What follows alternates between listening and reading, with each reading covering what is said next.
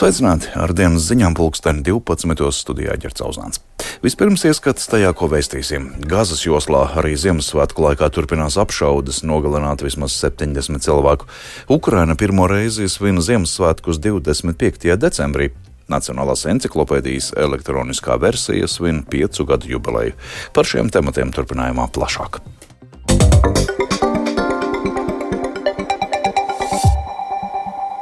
Gazas joslā turpinās intensīvas raķešu apšaudes. Izraels armijas uzbrukumā blīvi apdzīvotāji bēgļu nometnē pagājušā naktī nogalināti vairāk nekā 70 cilvēku, tā apgalvo teroristu grupējuma Hamas kontrolētās Gazas joslas varas iestādes. Jaunāko informāciju apkopoja korespondents Arķums Konohaus. Gazas jostas varas iestādes apgalvo, ka aizvadītā nakts kļuvusi par vienu no asiņainākajām pēdējā laikā. Pēc viņu informācijas, nakts vidū īstenotais raķešu uzbrukums ir aiznesis vairāk nekā 70 civiliedzīvotāju dzīvību. Kopumā dažādos uzbrukumos pagājušajā naktī ir miruši 78 cilvēki, tostarp sievietes un bērni. Izraels armija paziņojumā mēdījiem norāda, ka tā šobrīd padziļināti pēta pagājušajā naktī notikušo. Armijas pārstāvis saka, ka Izraels spēki dara visu iespējamo, lai pieturētos pie starptautiskiem noteikumiem un pēc iespējas samazinātu civiliedzīvotāju upuru skaitu. Kaut gan teroristiskā grupējuma Hamas dalībnieki turpina darboties no civiliedzīvotāju apdzīvotām zonām. Kopumā pēc Gazas varas iestāžu aprēķiniem šis konflikts ir aiznesis vairāk nekā 20,400 Gazas iedzīvotāju dzīvību. Vēl tūkstošiem cilvēku visticamāk ir aprakti zem māju grošiem. Savukārt ievainoto skaits sasniedz vairākus desmitus tūkstošu. ANO palestīniešu bēgļu aģentūras vadītājs Filips Lacerīnī brīdina, ka Gazas iedzīvotāji šobrīd sastopas ar badu, kādu viņi līdz šim nav piedzīvojuši. Lacerīnī saka, ka tas ir cilvēku mākslīgi veidots bats, jo reģionā nonāk pārāk maz humanās palīdzības.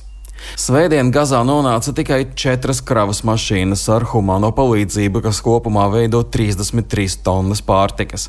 Arī Katara ir nogādājusi Eģiptē vēl vienu lidmašīnu ar humāno palīdzību, kas domāta palestīniešiem. Savukārt Izraels armija ir paziņojusi, ka svētdien ir gājuši bojā desmitās karavīri. Vēl dienu iepriekš ir mirušas piecas militāra personas. Tas ir lielākais kritušo Izraels karavīru skaits kopš novembra sākuma. Līdz ar to kopumā ir nogalināti aptuveni 150 Izraels armijas karavīri. Izraels premjerministrs Benjamins Netanjahu sacīja, ka šis karš prasa lielus karavīru upurus, tomēr viņiem nesot citas izvēles, kā turpināt. Tāpat Izraels mēdījos parādās informācija par miera sarunām Eģiptē. Tur pašlaik atrodas gan grupējuma Hamas vadība, gan Izraels pārstāvi. Saskaņā ar Eģiptes piedāvāto plānu Hamas un tās sabiedrotie varētu pakāpeniski atbrīvot gūstekņus, savukārt Izraela pārtrauktu uzbrukumus un izvestu savu karaspēku no Gazas joslas. Tomēr Izraels pārstāvi saka, ka viņi ir gatavi runāt tikai par pagaidu uguns pārtraukšanu, nevis par pilnīgu operācijas izbeigšanu. Izraēlas laikraksts Harets norāda, ka pēc pirmā acu uzmetiena šis plāns izskatās kā formula, ko abas puses ar prieku būs gatavas noraidīt. Arčuns Kalhaus Latvijas Rādio Briselē. Romas katoļu baznīcas pāvests Francisks vakar uzrunājot sanākušos Svētā Pētera laukumā Vatikānā, aicināja ticīgos Ziemassvētkos apliecināt solidaritāti ar tiem, kas cieš no kara Gazā, Izrēlā un Ukrainā, kā arī ar visiem tiem, kas cieš no bada, posta un verdzības. Permettetemi una raccomandazione. Non confondiamo la festa con il consumismo. Ļaujiet man izteikt vienu ieteikumu. Nejauksim svētkus ar patēriņu. Mēs varam, un mums kā kristiešiem tas ir jādara, svinēt vienkārši, bez izšķērdības un daloties ar tiem, kam trūkst nepieciešamā vai kas jūtas vientuļš. Būsim tuvu saviem brāļiem un māsām, kas cieš no kara. Padomāsim par Palestīnu, Izrēlu, Ukrainu. Padomāsim arī par tiem, kas cieš no posta, bada, verdzības. Lai Dievs, kas ir pieņēmis sev cilvēka sirdi, iedvež cilvēcību visu cilvēku sirdīs. Ukraina šodien pirmo reizi svin Ziemassvētkus 25. decembrī, kad to dara lielākā daļa pārējās kristīgās pasaules. Pēc Krievijas atkārtotā iebrukuma Ukraina atteicās no Ziemassvētku svinēšanas 7. janvārī, kā to dara Krievijas pareizticīgā baznīca. Ukrainas prezidents Valdimirs Zelenskis attiecīgu likumu parakstīja jūlijā. Tajā norādīts, ka Ukrainas tautai ilgu laiku uzspiesta Krievijas ideoloģija teju visās dzīves jomās, arī attiecībā uz jūlija kalendāru ievērošanu un Ziemassvētku svinēšanu 7. janvārī. Vakar publicētajā video uzrunā Zelenskis norādīja, ka Ziemassvētkos visa nācija kopīgi lūksies par Ukraiņu brīvību, par Ukraiņu uzvaru, un Zelenskis pauda pārliecību, ka galu galā tumsa zaudēs un ļaunums tiks sakauts.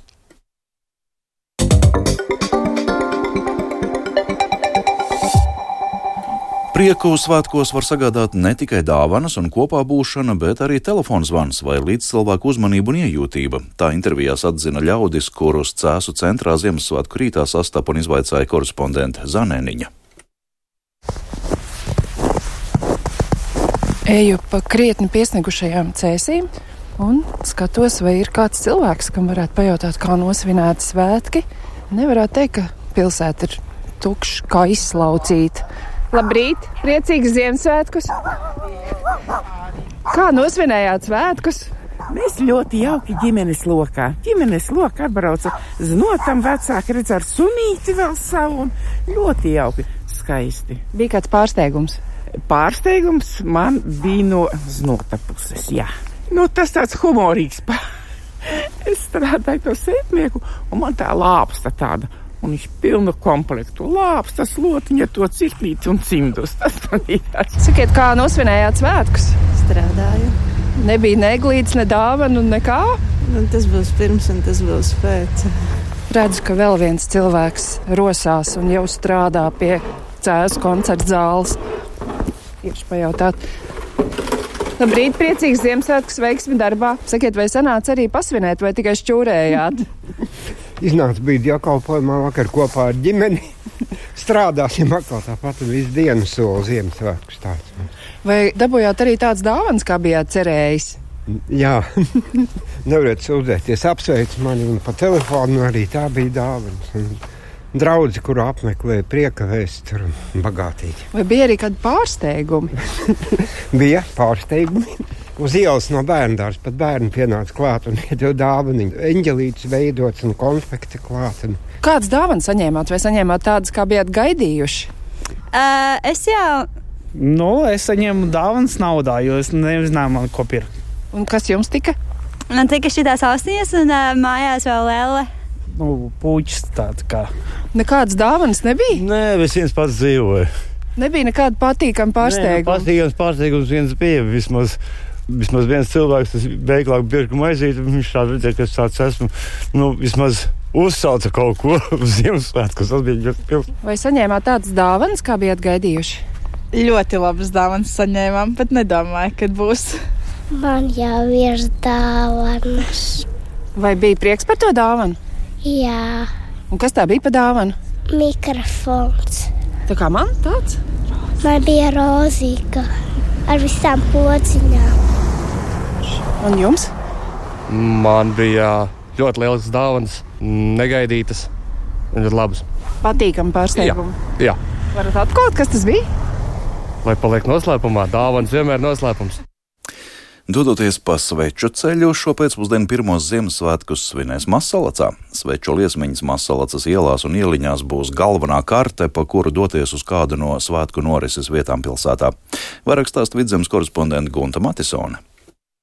Nu jau trešo gadu Masalacā ir šī tradīcija Ziemassvētkos pilsētas ielās iedegt sveces. Pirms pandēmijas laikā lielu popularitāti jau bija iemantojis sveču mežs skaņajā kalnā, bet tā kā pandēmija neļāva pulcēties lielos publiskos pasākumos, tad šī tradīcija tika pārcelta pilsētvidē.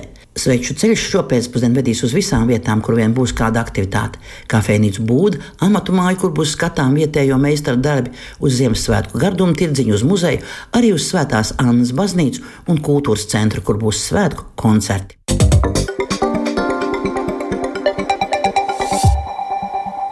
Nacionālās encyklopēdijas elektroniskajai versijai aprit pieci gadi. Šajā laika posmā kopējais vietnes skatījumu skaits ir teju desmit miljoni. Visvairāk apmeklēts šķirklis par eposu Lačplēsis ar vairāk nekā 70 tūkstošiem skatījumu. Savukārt populārākās tēmas ir literatūra, mūzika un vēsture. Plašāk par Nacionālās encyklopēdijas lasītājiem, pieprasītākajām tēmām un vēl topošajiem šķirkļiem Sintīs Ambots ierakstā. Pirmajos piecos gados virtuālās encyklopēdijas saturs ir pieaudzis vairāk nekā četras reizes, sasniedzot ap 4200 šķirkļus. Encyklopēdijas galvenais redaktors Valters Čerbinskis iezīmē, ka darba dienās mājaslapu apmeklē 7 līdz 9 tūkstoši apmeklētāju. Ir cilvēki, kas lasa specifiskus jautājumus, nu, ir cilvēki, kas gluži vienkārši lodā pa encyklopēdijas saturu un meklē kaut ko, kas viņiem interesē. Piecu gadu laikā ir gandrīz 10 miljoni skatījumi bijuši. Divas trešdaļas lasītāji ir dažādu izglītības iestāžu audzēji. Diezgan droši, un to mēs varam spriest pēc vasaras. Jo vasarā skaidrs, ka skolnieks vai students diezgan grūti dabūt lasīt kaut ko. Tāpat šo gadu laikā būtiski pieaudzis arī šķirkļu autoru skaits. Encyklopēdijas saturu līdz šim radījis 741 autors. Lasītāju iecienītākās tēmas Nacionālajā encyklopēdijā ir literatūra, mūzika, kā arī vēsture. Atzīmējot encyklopēdijas piecgadi, izveidots arī lasītāko šķirkļu top 10. Desmitā vieta mums ir tiesības 9. ir Rēmons Pauls, tālāk latviešu literatūra, valsts himna, nacionālā virtuve, Pirmais pasaules karš Latvijā, Pirmais pasaules karš vispārējie latviešu dziesmu dēļ svētki un top 2. Tātad otrais numurs ir pazudušais dēls novela, pirmā vietā epos slāņplēsis. Bet nu, mums ir trīs šķirkļi, kuri mūs pārsteidz. Pirmais no pārsteigumiem ir šķirklis, kas saucās noplicinātā urāna munīcija. Burtiski vienu, divu dienu laikā šo šķirkli ļoti daudz cilvēku apmeklēja. Anglija apsvēra Ukrainas armijai piešķirt šo munīcijas veidu. Un vairums cilvēku, protams, nezināja, kas tas īsti ir un meklēja. Vēl viens pārsteigums mums ir Šķirklis Dārdera mūzikas grupa. Minētajiem šķirkļiem ir virs 50 tūkstoši skatījumu, bet pieprasīti mēdz būt arī ar fiziku, ķīmiju un astronomiju saistīti šķirkļi. Šķerbinskis norāda, ka lielākais izaicinājums ir autoru piesaiste jaunu šķirkļu veidošanā, kā arī esošā satura atjaunošana tēmās, kuras nemitīgi attīstās. Autori ļoti dažādi, tādi lietpratēji zinātnieki, vide, iesaistīt visus šos cilvēkus, nu, dažkārt nav vienkārši. Un viņi ir arī aizņemti, vienkārši mūsu žanrs ir specifisks. Encyklopēdija nav īsti zinātnisks raksts. Mums ir tomēr savas lietas, kas ir specifiskas jāievēro, bet kas savā ziņā arī atvieglo mūsu dzīvi, ir, ka mēs esam universāli encyklopēdija, mēs esam pa visu. Un līdz ar to mums ir šīs iespējas variēt, dažādu pieeju izmantot. Nacionālo encyklopēdiju lasa galvenokārt Latvijā, un aktīvākie lietotāji atrodami Rīgā. Savukārt ārvalstīs lielākais skatījumu skaits ir Lielbritānijā un ASV, kam seko Vācija un Zviedrija. Sinti Ambote, Latvijas radio. Līdz ar to arī izskan dienas ziņas 12. Tās producēja Viktors Pupiks, pār labskaņu rūpējās Ivets Zvejniec un Renārs Štēmans studijā Ģercauzans. Vēl īs par svarīgāko Gazas joslā arī Ziemassvētku laikā turpinās apšaudas, nogalināt vismaz 70 cilvēku. Ukraina pirmo reizi svina Ziemassvētkus 25. decembrī. Nacionālās encyklopēdijas elektroniskā versija svin piecu gadu jubileju. Yeah.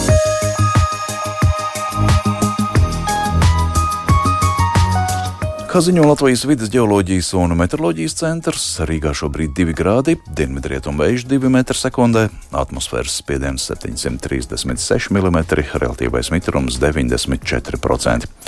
Šodien sniegs un apladojums daudz vietā apgrūtina braukšanu. No rīta spēcīgs putenis stipri apgrūtināja braukšanu pa valsts galvenajiem un reģionālajiem autoceļiem Latgalē, ap Rezeknu arī Jākapils apkārtnē.